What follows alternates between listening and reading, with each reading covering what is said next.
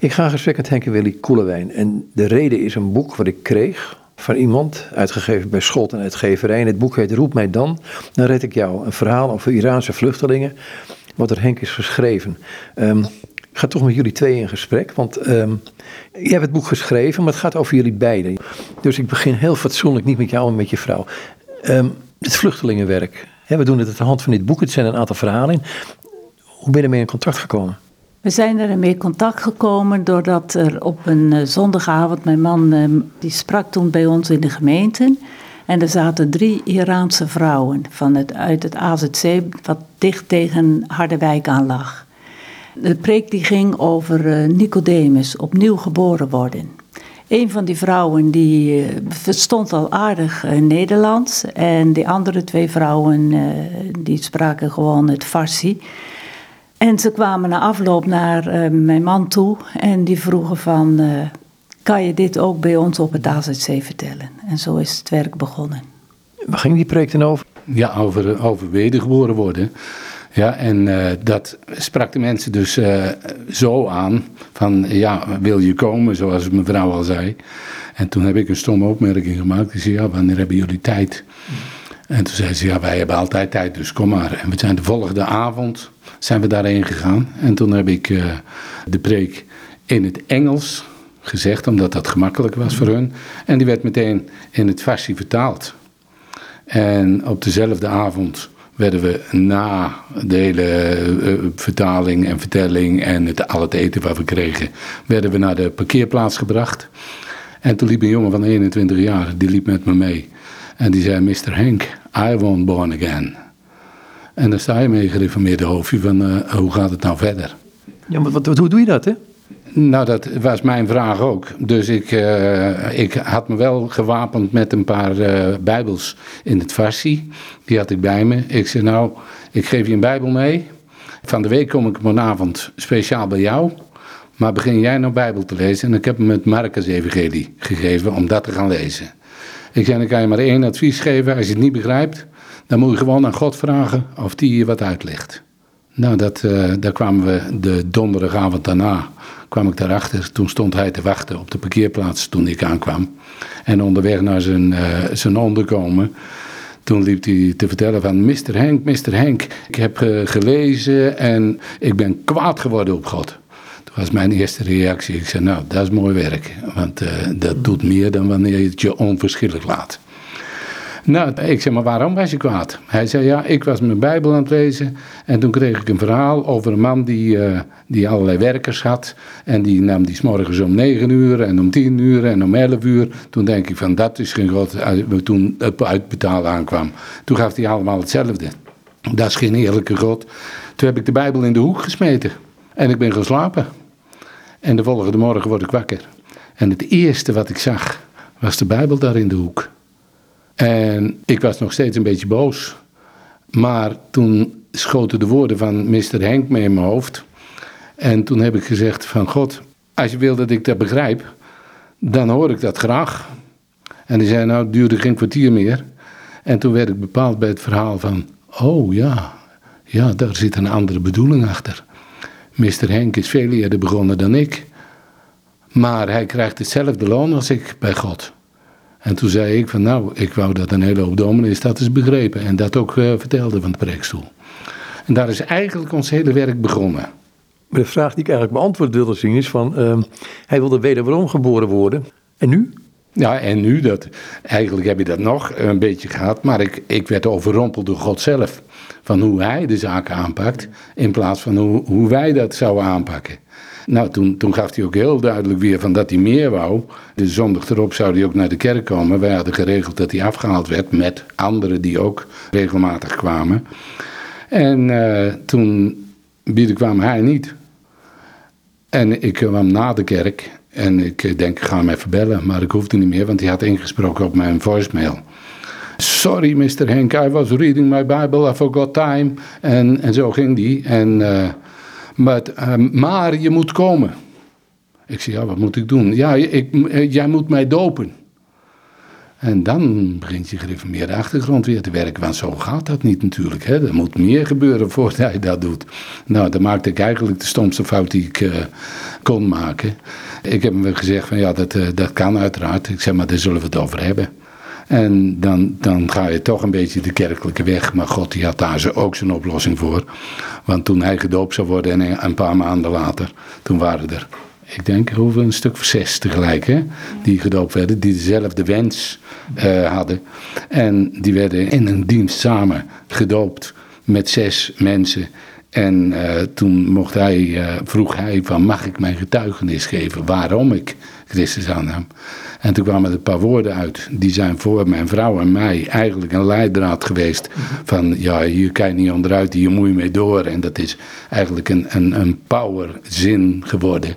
Hij zei, ik laat me dopen omdat ik tot nog toe een God gevolgd heb die mijn bloed voor zich opeiste.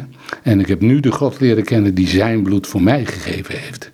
En juist die zin is voor ons eigenlijk een rode draad geweest om daar 25 jaar met, met uh, vluchtelingen bezig te zijn. Dit is een verhaal van man tot man en van vrouw tot vrouw. Hoe ging dat?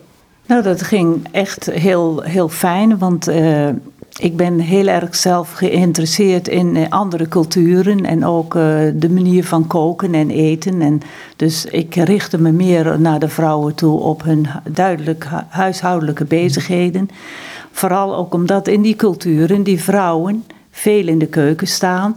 Dus ik richtte me naar die vrouwen toe van... Uh, kan je mij jullie manier van eten, koken, mij dat ook leren? Nou, en zodoende kreeg ik in de keuken hele gesprekken met die vrouwen. Over van alles en nog wat. Over onze kinderen, over naar school gaan, over de manier van koken. Maar ook over het geloof. Dat kon ik ook met hen delen. Want ze begonnen vragen ook aan je te stellen van... Uh, ja, maar hoe zit dat dan? Want bij ons, in onze moslimcultuur is dit zus en dit zo. En dan vertelde ik, ja, maar wij als christenen, wij hebben het zus en zo. Ik legde de mensen het niet op. Want ik vind dat ieder mens moeten we in, in hun waarde laten... Maar ze zagen toch wel dat ik meer vrijheid had dan dat hun hadden. Wat voor vragen stelden ze bijvoorbeeld? Nou, over uh, vooral tussen relatie man ook. Hè? Hoe, mij, hoe uh, Henk uh, tegenover mij was. kijk, deze vrouwen die hebben toch het gevoel dat ze onderdanig aan de man zijn. Dat is ons ook wel geleerd, maar op een hele andere manier. Dus ik vertelde van dat wij alle dingen samen deelden. Dat we samen de gesprekken hadden, dat we samen uh, beslissingen namen. En hun hebben een cultuur van ja, de man beslist en de vrouw gaat daarin mee. Maar op het gebied van, van de islam bijvoorbeeld, eh, want daar zijn toch duidelijke verschillen? Ja, er zijn ook duidelijke verschillen, maar ja, hoe bedoel je dat eigenlijk uh, op het gebied van de islam? Dat is al zo'n duidelijk verschil. Hè? Want in, in de islam is een vrouw onderdanig aan de man.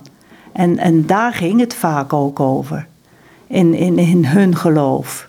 He, dat je, ja, maar je moet toch onderdanig zijn. En het ging ook over uh, je, je manier van kleden en, en al dat soort dingen. Dat vanuit de islam hun opgelegd werd.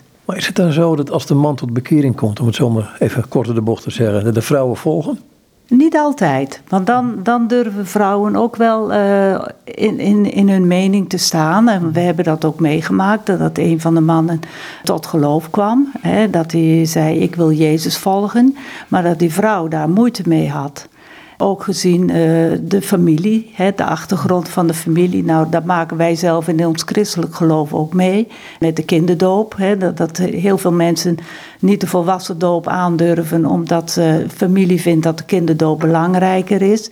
Nou, en dat zie je ook in die culturen natuurlijk. Hè. Ze houden zich toch wel heel strak vast aan wat families uh, vinden en zeggen. Dus zij had daar moeite mee. Maar dan zie je hoe mooi God werkt. Want ze kreeg toch wel een droom. En dat zie je heel vaak bij, bij Iraniërs ook. Dat God zich openbaart in een droom. En zij kreeg een droom dat ze haar man midden in een mooi veld met bloemen zag staan. Midden in het licht. En zij stond in het donker. En toen dacht ze, dat wil ik ook. En toen gaf ze zich ook over. Nou, hebben jullie vrij veel tijd besteed aan het zoeken van vluchtelingen in de AZC's. Ehm, in het boek staat onder andere een punt, dacht ik, ehm, als ik het wel heb, dat jullie kinderen zeiden van ja, had je niet beter je pyjama mee kunnen nemen en ook daar kunnen gaan wonen? Ja, dat is op een gegeven moment, dan maak je een keuze en je wordt enthousiast over alle dingen die je meemaakt. Eh, onder andere ook door mensen die tot bekering komen. Dan blijkt ook dat je ook een verdeling moet maken tussen eh, wat belangrijk is en wat niet. En dat maakte onze zoon ons duidelijk uh, door die opmerking te maken van uh, pa en ma. Nemen jullie je, pyjama mee naar het AZC? Want ja, je bent er toch niet. En dat was voor ons een eye-opener van ja, je, je moet het toch echt goed verdelen. En je gezin is je eerste gemeente. En al het andere werk mag je daarnaast doen. Ja, maar je bent zo enthousiast en je wil die mensen zoveel liefde geven. Want je ziet wat voor een gemis deze mensen hebben. Ze hebben een, een hele nare reis hebben ze gemaakt. Ze hebben in hun eigen land al heel veel meegemaakt. Ze missen enorm de familie. Ze zijn eigenlijk afgesneden van alles. En je wil eigenlijk die mensen heel veel liefde geven. En het was niet zo dat wij daar elke avond uh, uit de Bijbel zaten te lezen. We hadden één avond in de week dat we Bijbelstudie gaven. Maar je rolt eigenlijk er automatisch in om ook die mensen bij te staan in andere dingen. In allerlei vraagstukken over advocaten en dat soort dingen. En in ons enthousiasme en de liefde die je wilt geven, want het heeft je hart, vergaten we wel onze zoon die alleen thuis zat. In de puberteit was onze dochters waren al de deur uit. Maar hij voelde zich op een gegeven moment eenzaam. En uh, toen kregen we dat van hem te horen. En dan word je wel even stilgezet. Dan denk je ja, maar er is er nog één die liefde nodig heeft en aandacht. En uh, toen hebben we ook duidelijk hebben we afspraken gemaakt. En een goede verdeling gemaakt. Uh, ja, dat moest. En we zijn ook blij dat we dat een andere vorm gegeven hebben. Waarmee we niet minder gedaan hebben, maar wel een andere verdeling gemaakt hebben. Maar dat konden we ook delen met de mensen op het AZC. Dat we het ook gewoon zo zeiden.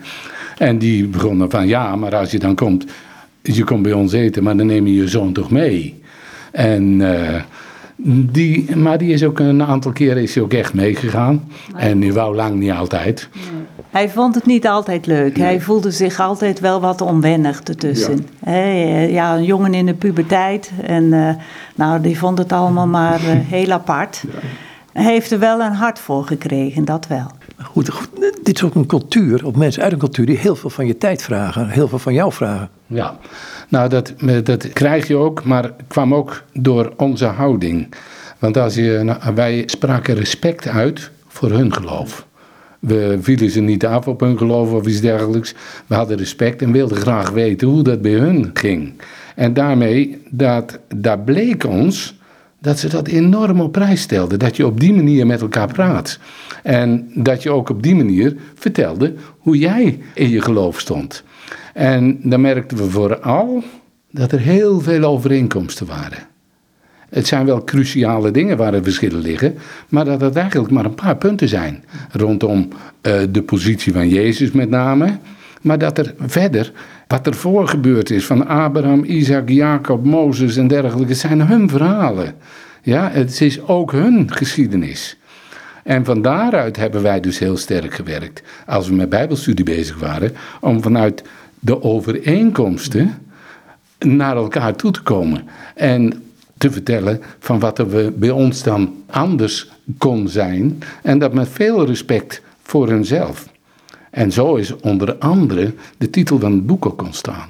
Roep mij, dan red ik jou. En dat is gebaseerd op eh, Psalm 50, vers 15. Waar staat: Roep mij aan in je benauwdheid. En ik zal je redden en gij zult mij eren.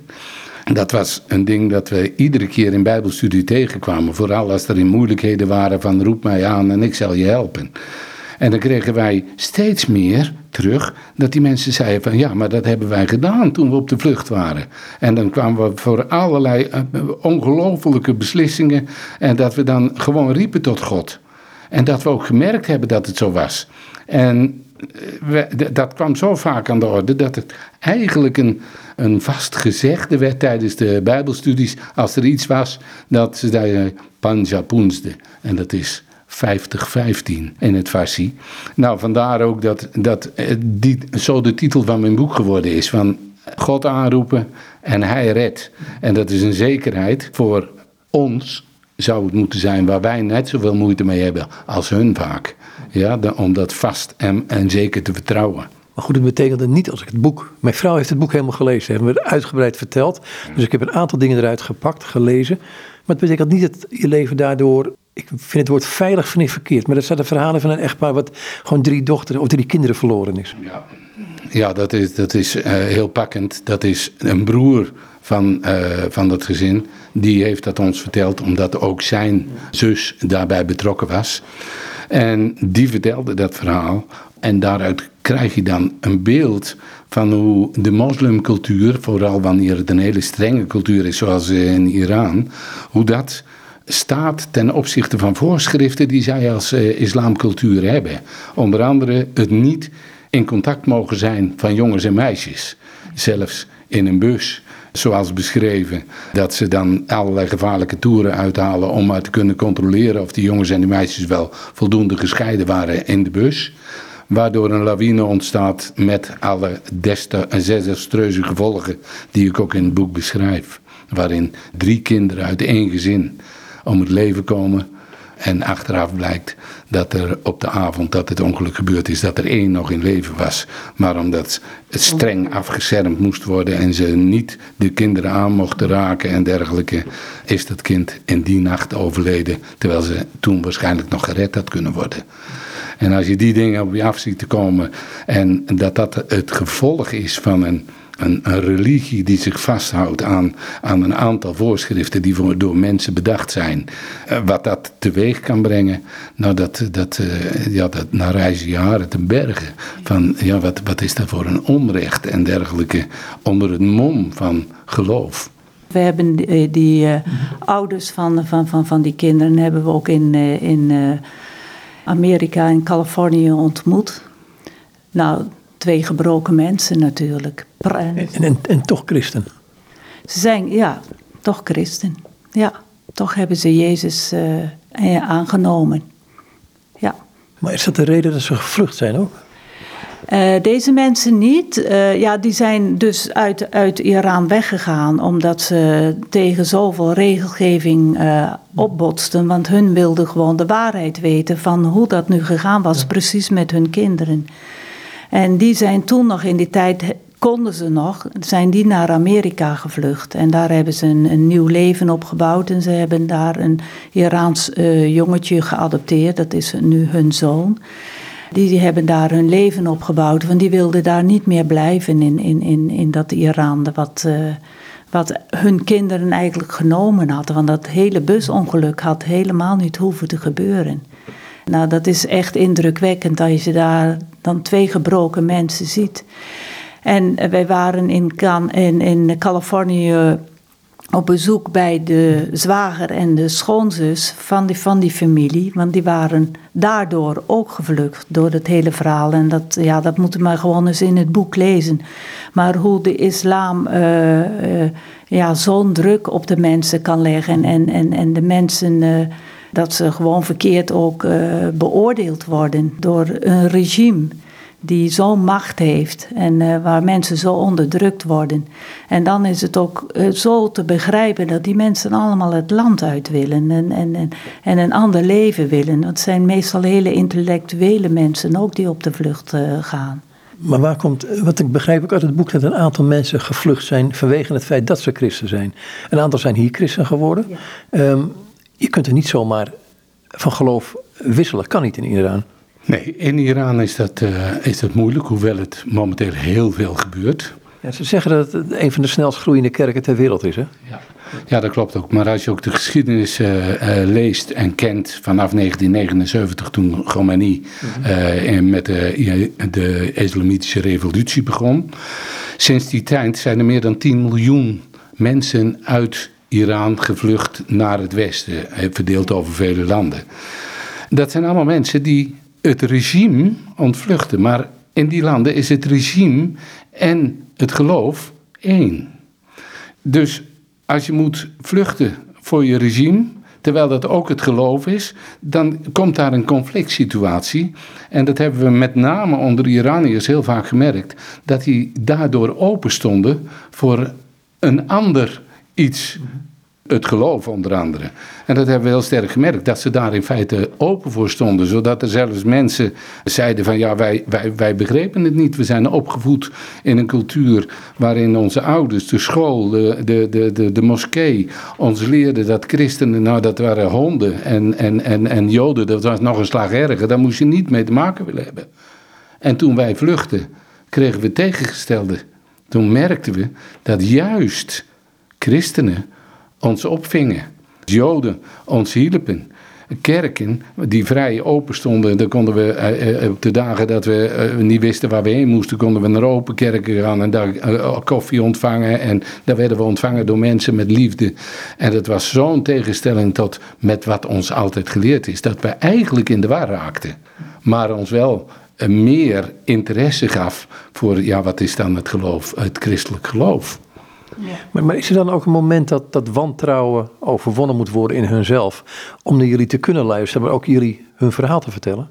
Ja, nou het, het voordeel is dus ook wat ik ook vertelde. Als jij werkelijk geïnteresseerd bent en niet in een vluchtverhaal, maar in hoe hun leven is. En dat ook gewoon laat blijken dat, dat wij daar geen enkel vooroordeel in hebben, maar dat ze vrij kunnen vertellen. Nou, dat, dat gaf een band van vertrouwen. En dat hebben wij ook heel sterk gemerkt. Dat, en dat hebben we ook in, in, in, in rechtszaken waar we in hielpen, hebben we dat ook heel sterk gemerkt. Ik heb uh, op een gegeven moment heb ik mensen geholpen. Als ze binnenkomen in, in Nederland, dan worden ze door de IND aan een eerste verhoor onderworpen. En dat wordt volledig in, in, in, op schrift weergegeven, de vragen zowel als de antwoorden. En heb ik gevraagd, ja jongens, willen jullie dat eerste verhoor? Als ik dat nu eens ga doen, en jullie gaan je nu, met de kennis van nu, antwoorden op de vragen die de IND in de tijd heeft gesteld. Durven jullie dat aan? Ja, dat wouden ze dan wel. Want je moet weten, als jij uit een, land vandaan komt waar het woord politie alleen maar wantrouwen geeft. En je komt dan hier in Nederland en het eerste waar je door verhoord wordt is een politieagent. Nou, dat je niet het verhaal vertelt van wat, werk, wat werkelijkheid is, omdat je gewoon vooringenomen bent ten opzichte van een, van een politieagent. En als je dan een paar jaar in Nederland bent, of een jaar of, of langer, en je merkt dan dat het hier duidelijk anders is nou, dan durf je op een andere manier te werken. En zo heb ik die, uh, die hele verslagen doorgewerkt. Nieuw uitgetypt en dergelijke. Aan hun advocaten gegeven. En die zeiden van dit is bruikbaar materiaal. Dat, dat kunnen wij goed gebruiken. En daar hebben we ook gemerkt dat heel veel mensen een, een status kregen hier. Nadat de advocaten het zo gewerkt hebben. En het moet ook heel eerlijk zijn, er waren ook best wel Iraniërs. Hè. Je vroeg, stelde net die vraag van hoe, kom, hoe komt het dan, staan ze dan zo open voor om tot geloof te komen? In die tijd was het ook wel zo, als ze christen werden, dan werden ze ook niet teruggestuurd naar Iran. Dus er waren ook best wel Iraniërs die uh, zeiden dat ze christen wilden worden, alleen maar om een verblijfsvergunning uh, te krijgen. En daar zijn wij ook achter gekomen hoor. Ook dat, daar moeten we eerlijk in zijn, dat het niet altijd oprecht was van die mensen. Maar aan de andere kant kan je het natuurlijk wel begrijpen dat ze uit een bepaalde angst zo handelden. Dat neem je nou gewoon op de koop toe? Ja, wij zullen dat wel moeten. ik heb ze er wel eens mee geconfronteerd. Dat we gewoon gezegd hebben, ik, ik kende nu nog, dat ik zeg van, eh, ben je nog christen? Gaan jullie nog naar de kerk? Dan krijg je ontwijkende antwoorden en dan weet je al wel hoe laat het is. Maar er zijn ook lui bij, ook in het boek, die um, gewoon christen worden, tot bekering komen, ehm, weten van de gevaren die dit opbrengt en toch weer terug gaan naar het land. Ja, waarom? Want dan breng je jezelf weer in gevaren. Nou, dat is, dat is heel mooi. Wij, wij uh, organiseerden op een gegeven moment ook wandelingen met, uh, met vluchtelingen en bekende mensen uit een dorp. Om ze te confronteren met een aantal stellingen van hoe je met iets omgaat. En ik zal nooit vergeten dat wij bij een kerk stonden en daar zat in, uh, in de wand van de kerk, daar zie je dan een steen, aan de eerste steenlegging en dergelijke. En daar stond de tekst uit Psalm 37, vers 4 van, vraag vrijmoedig van mij en ik zal het je geven en, en met blijdschap. Dat we de vraag stelden, wat zou je in blijdschap en vrijmoedigheid aan God willen vragen? En dat het eerste was wat meerdere mensen zeiden, dat mijn vader en moeder dit ook mogen weten. En juist dat is een aanleiding geweest voor heel veel mensen om toch het gevaar te trotseren en wel naar Iran te gaan. Vaak wel nadat ze een Nederlands paspoort of iets dergelijks hadden of een groene kaart waarmee ze dat konden doen. Maar dat toch deden om dat ook te delen. Ik weet ook van een, van een man die, die tot geloof kwam hier en, en dat allemaal in een boekvorm heeft opgeschreven. Voor mijn vader, zei hij. Want mijn vader weet het niet. En daarom schrijf ik. Die is niet weggegaan, maar die heeft het dus in een boekvorm naar zijn vader toegestuurd. Maar het verlangen om wat zij ontvangen hadden, om dat ook naar anderen te brengen, heeft een hele hoop angst om nog weer een keer terug te gaan, voor sommige mensen weggenomen. Andere mensen zetten het hierop en dat ze via satelliet en dergelijke uh, zenders uh, in de lucht brengen. In, op dit moment zijn er meer dan zeven satellietzenders die 24 uur per dag, zeven dagen in de week het evangelie in het Fassi uitstrooien. Kunnen we in Nederland nog wat van leren, denk ik? Denk ik ook, maar dat is ook, ik denk, de passie waarmee jonggelovigen bezig zijn. En merken van wat, wat Jezus voor hun leven betekent. En dat ze dat willen delen. Nou, dat, uh, ik denk dat je dat ook in nood en pijn hebt leren kennen. Dat het veel dieper zit dan wij die heel vaak van jongs af er automatisch ingerold zijn en dergelijke. En dat zie je dan ook heel vaak bij die jonggelovigen van, ja, die moeten het kwijt. Die, ja, en vooral hun familie. Ben je, er wel eens jaloers op als je die mensen in de ogen kijkt? Misschien, niet het goede woord jaloers, maar goed, je snapt wat ik bedoel. Ja, in een zekere zin wel. Het, het volledige vertrouwen op, op, op een God die ze eerst niet kenden. En uh, dat heeft de mensen toch wel zo geraakt en zo'n impact in hun leven gegeven. En als je als wij als christenen in een kerk opgevoed zijn en het is voor ons gewoon dagelijkse kost wat, wat we meekrijgen. En ik weet als, als, als, als christen zou je toch een bewuste keuze moeten maken. Maar bij de, deze mensen zie je een radicale keuze. En daar kan je best wel jaloers op zijn, ja. Ja, en het, uh, het vertrouwen ook. Vooral diegenen die, die blijven volharden daarin. En sommigen die gewoon ook evangelist geworden zijn. Hè? We kennen ook een Iraanse echtpaar en uh, die moesten terug naar Parijs omdat dat het eerste land was waar ze uh, aangekomen waren. Nou, die man die, die loopt nu het evangelie te verkondigen terwijl die op Urk Jezus had leren kennen. Ja, en die man, daar heb ik avonden mee mogen verzorgen, waar hij mij uh, ondersteunde. Ja, waar hij eigenlijk het belangrijkste woord sprak. En die sprak op de manier zoals hij kon, dat hij verwonderd was dat hij hier in Nederland mensen zag die zoveel moeite eh, hadden met het geloof, om te geloven, terwijl ze van jongs af aan daarbij zijn opgegroeid. En dat hij, die toevallig via zijn vrouw, die een, een, een, een bijbeltje aangereikt kreeg in een park in Teheran. En die is dat gaan lezen en die heeft dat gedeeld met een man. Die zijn een keer op vakantie naar Frankrijk toegegaan, omdat zij hij had een goede functie, die mocht ook gewoon op vakantie gaan. En uh, toen heeft een buurmeisje hun bijbeltje geleend. Want die was bezig samen met hun de Bijbel te lezen. De vader van de meisje heeft ontdekt dat zij de Bijbel aan het lezen was van die mensen. Die heeft ze verraaien, aangegeven. En toen konden ze niet meer terugkomen naar, uh, naar Iran toe. En die man zegt van, ik heb aangenomen wat er in de Bijbel staat. En ik zie hier jammer genoeg heel veel mensen die weten wat er in de Bijbel staat, maar moeite hebben om het aan te nemen.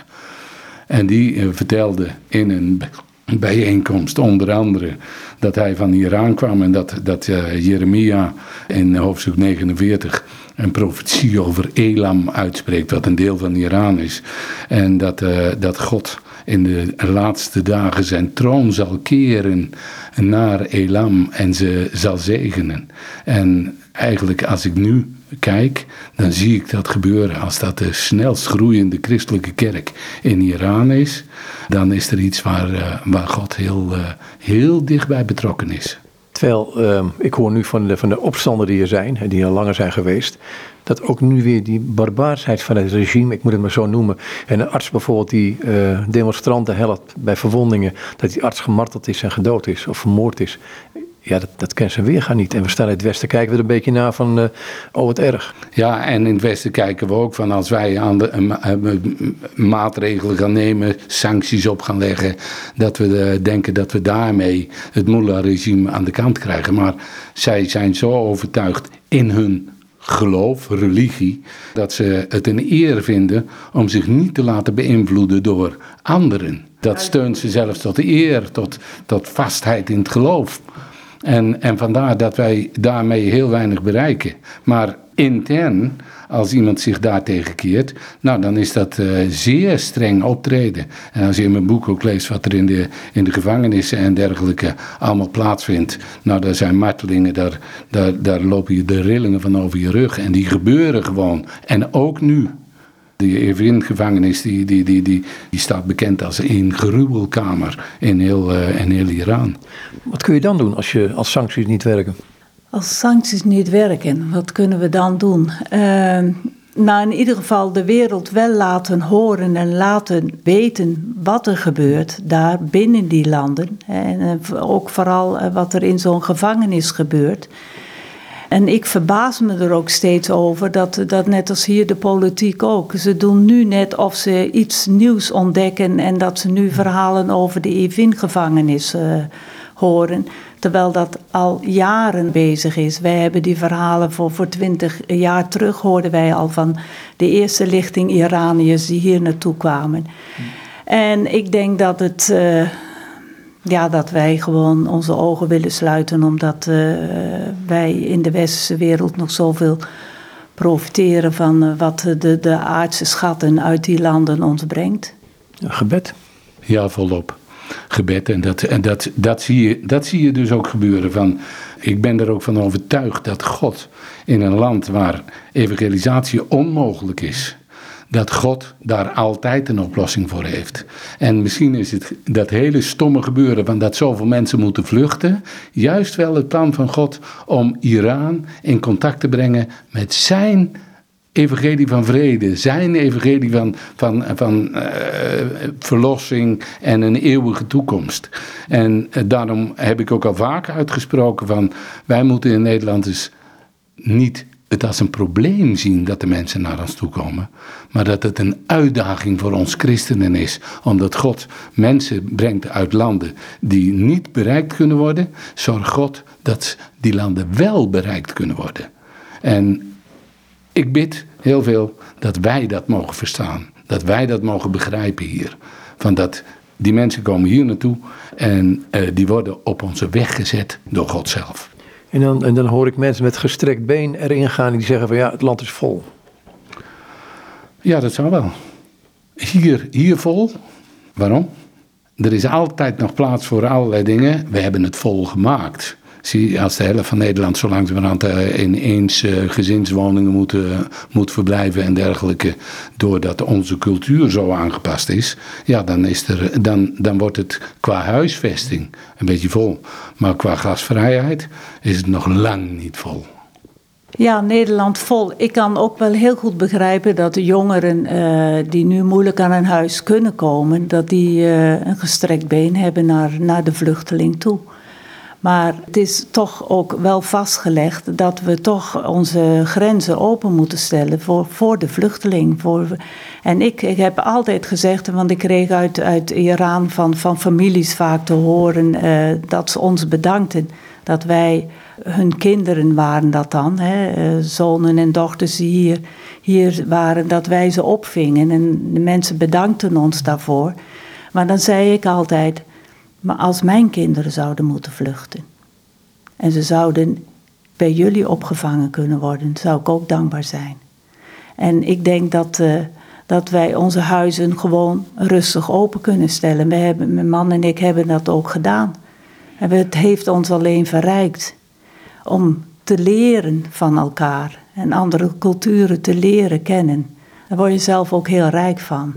Nou, nou zeg je dat, de andere culturen te leren kennen. Ehm, en misschien de wat lichtere kant nu opgaan, maar ehm, wat voor dingen leer je dan? Want eh, voordat het interview begon, zaten we te praten over die andere culturen. Kijk je elkaar aan? Eh, hoe doe je het met eten koken voor mensen? Ehm, hoe vaak moet je ze nou uitnodigen? Et cetera. et cetera. Het zijn van die hele kleine dingetjes die net even eh, wrijven kunnen geven. Ja, en dat gaf ook wel eens wrijving. Maar als er ergens wrijving is, dan zijn er ook altijd dingen waar je met elkaar, die je met elkaar op kunt lossen. En met elkaar erover kunnen praten. En dat, dat hebben wij ook gedaan. We hebben op een gegeven moment ook gezegd, net wat ik vertelde, in, in, in, de Iraanse cultuur mag ik als vrouw een man niet in de ogen kijken. Hè, want dat, dat is dan ben je ongegeneerde vrouw die, die, die zich niet netjes gedraagt. Dus daar hou ik me dan aan. Maar toen kregen we ook met Syriërs te maken. En toen werd er tegen mij gezegd als vrouw: waarom kijk jij ons niet aan? En toen zei ik: ja, maar dat hoort toch niet in de, in de moslimcultuur? Want ik dacht, nou, dat is één. En dan kom je erachter dat in de Syrische cultuur, dat je dan eh, juist mensen afwijst als je ze niet in de ogen kijkt. En dat zijn dingen, dat fascineert me, dat vind ik mooi, daar, daar, daar, wi- daar wil ik van leren. En als je dat van elkaar weet, ga je elkaar ook beter begrijpen.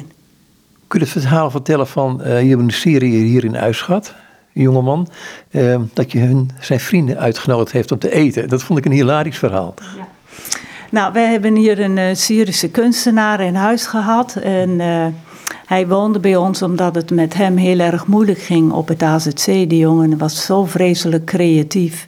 Nou, hij kon, kon daar niet uit de voeten. En ik schilder zelf ook. En vandaar dat hij bij ons toen in huis opgenomen is. Mijn man zei, laat hem dan hier komen. Kan die hier in jouw atelier lekker aan het schilderen gaan.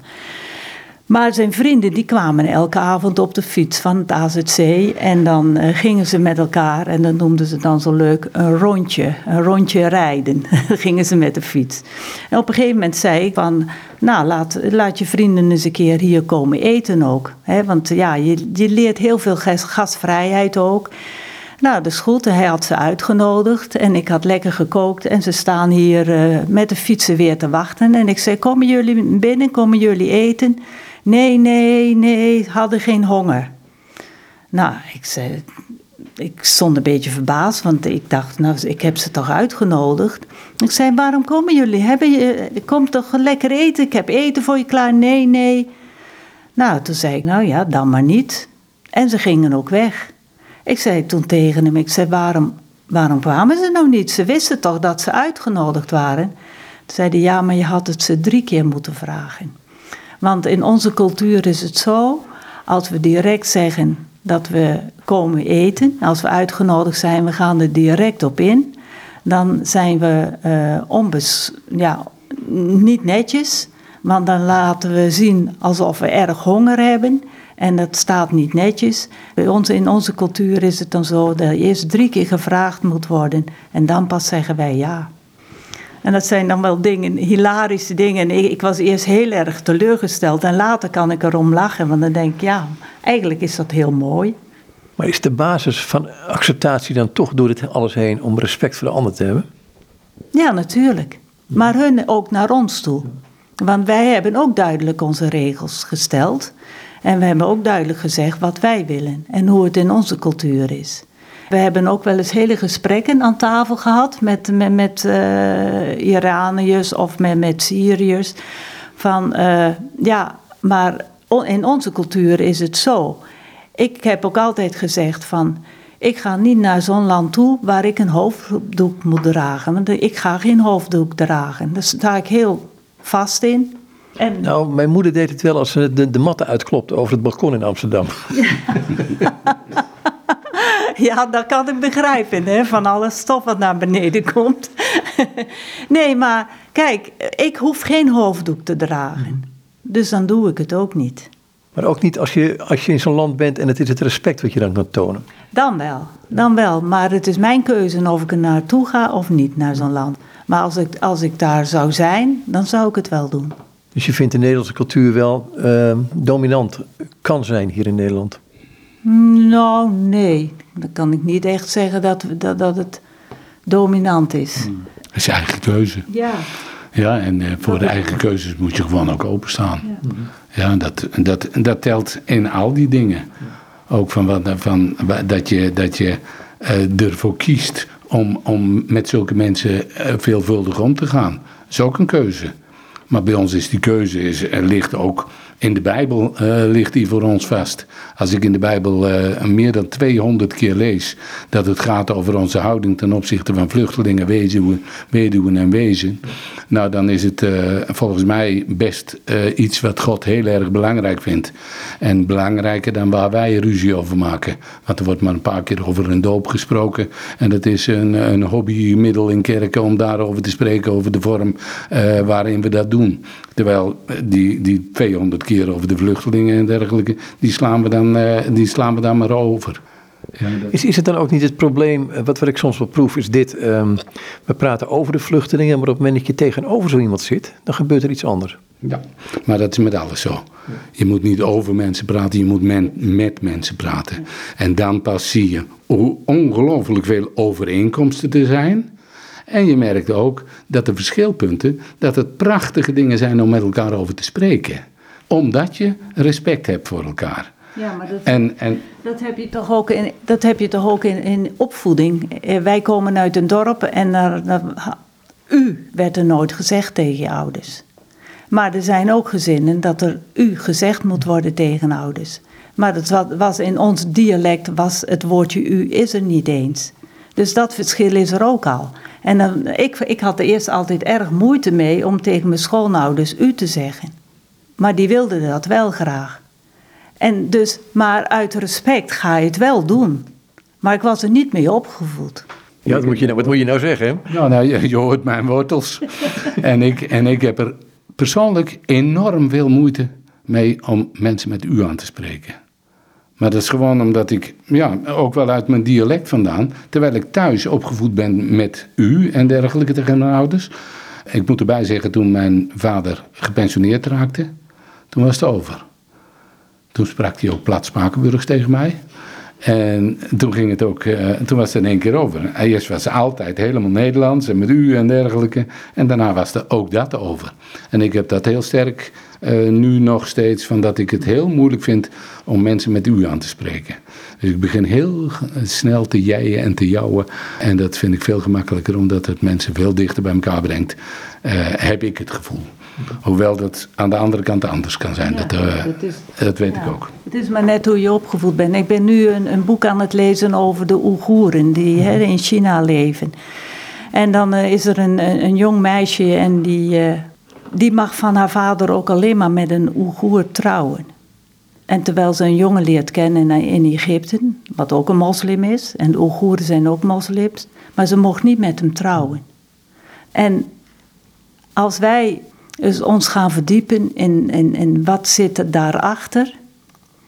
En hoe kunnen we nader tot elkaar komen en niet elkaar veroordelen of beoordelen, maar eigenlijk uit liefde naar elkaar toe zouden gaan handelen. Dan zou het een stuk beter worden.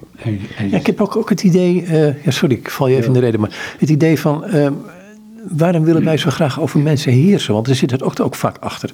denk ik, ja, um, wat is die ruimte die Christus dan geeft? Ja. En als ik in Nederland kijk hoeveel verschillende kerken er zijn, en ik vind het alleen maar prachtig. Ik bedoel, uh, in verscheidenheid kun je ook een enorme eenheid hebben, maar um, toch. Ja, het is zo van, wij willen heel graag van wat we zelf doen, een ander opleggen.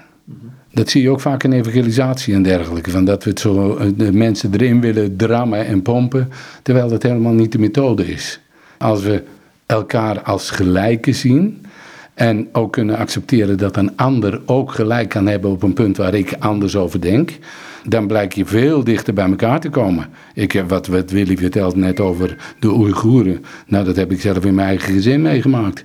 Als je van, uh, uit een kerkelijke genootschap bent en, en, en iemand krijgt verkering met iemand uit een andere kerkelijke genootschap, dat het hier in, in, in Nederland ook het geval was.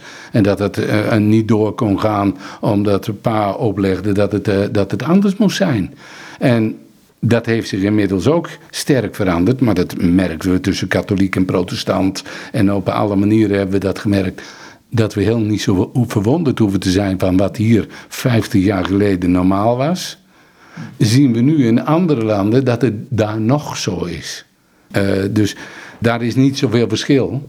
Maar de openheid naar mensen toe en het niet elkaar de wil op willen leggen, maar respect voor elkaar te hebben, uh, geeft je veel meer gelegenheid om te getuigen van wat jou uh, drijft, dan wanneer je begint met van ja, maar jij doet dit verkeerd en ik kan dus niet met je praten. Nou, dat is gesprek ten einde. Ik vind Jezus daar een groot voorbeeld in. Want Jezus die ging juist naar diegene toe waar de mensen op neerkeken. Ja. Hij ging juist met ze een maaltijd houden. En hij wist van de tollenaar dat hij de mensen bedroog. En hij zag ze op en hij veroordeelde hem niet. Hij zei er niets over eigenlijk. Nee, nee daarom zei ik, hij veroordeelde hem niet. Hij gaf alleen liefde. En ik denk dat van, vanuit dat perspectief wat Jezus ons gegeven heeft, dat wij ook zo moeten leven. Ook naar alle vluchtelingen die in het land komen. En of het nu mensen zijn die om, wat, wat ze dan zeggen, uh, de, de, de, de, de geldzoekers, hè, de, de, de, die, gelukszoekers, dan zeg ik altijd, kijk naar Abraham. Abraham die ging toch ook naar Egypte toe, omdat in zijn eigen land hongersnood was. Waar, waar hebben we het over? Je zal maar in honger moeten leven en elke dag maar moeten kijken of je je kinderen eten kan geven. En je hebt dan een jonge jongen die sterk genoeg is om zo'n reis te maken. Die misschien dan het, het geld bij elkaar kan verdienen in een westers land. Want zo denken die mensen, daar denken ze alleen vanuit. En wij zitten van, ja, dit zijn gelukzoekers, die komen alleen maar. Ja, natuurlijk. En wij sluiten de deuren en geven dus het niet de mogelijkheid. Ja, wat, je, wat je hier dus uh, zo langzamerhand ook krijgt, dat mensen uit een land komen waar, waar ze de mond open durfden te trekken op, op politiek gebied, die zien wij als vluchteling.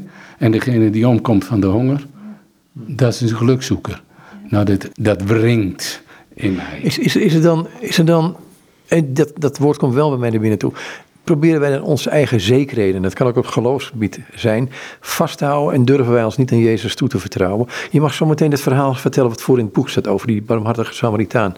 Want dat vind ik wel illustratief. Maar eh, eh, zit die angst daar zo in om onze zekerheden op te. Eh, waar zijn we eigenlijk bang voor zijn, denk ik dan?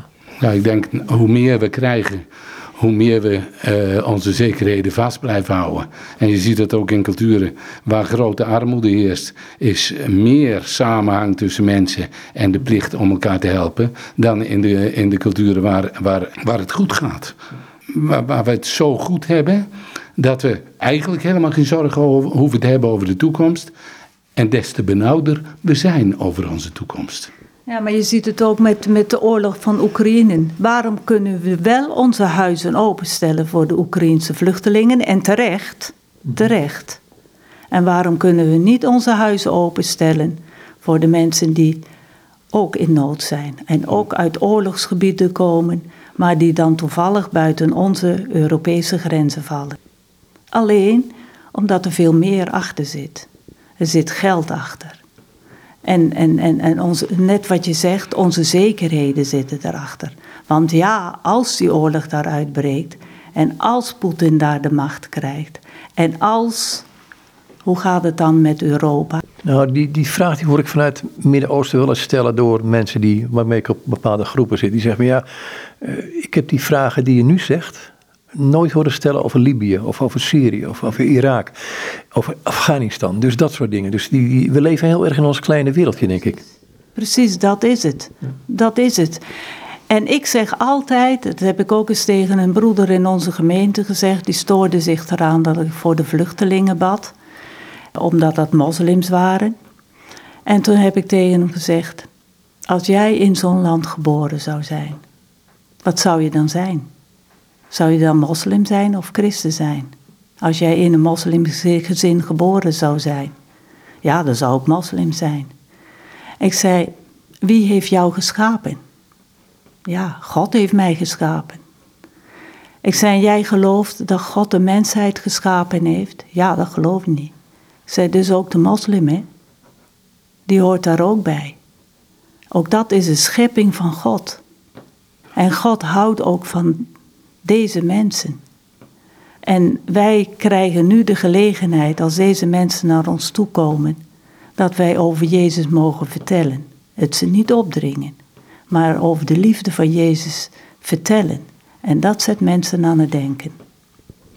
Kun je het verhaal voor het boek vertellen over die barmhartige Samaritaan? Je hebt het eh, geparafraseerd. Ja, dat verhaal komt heel dichtbij, namelijk van als je met, met, met, met mensen in nood verkeren, dat je daar de, de mensen waar je het van verwacht, die lopen met hele goede redenen, lopen ze om de nood heen.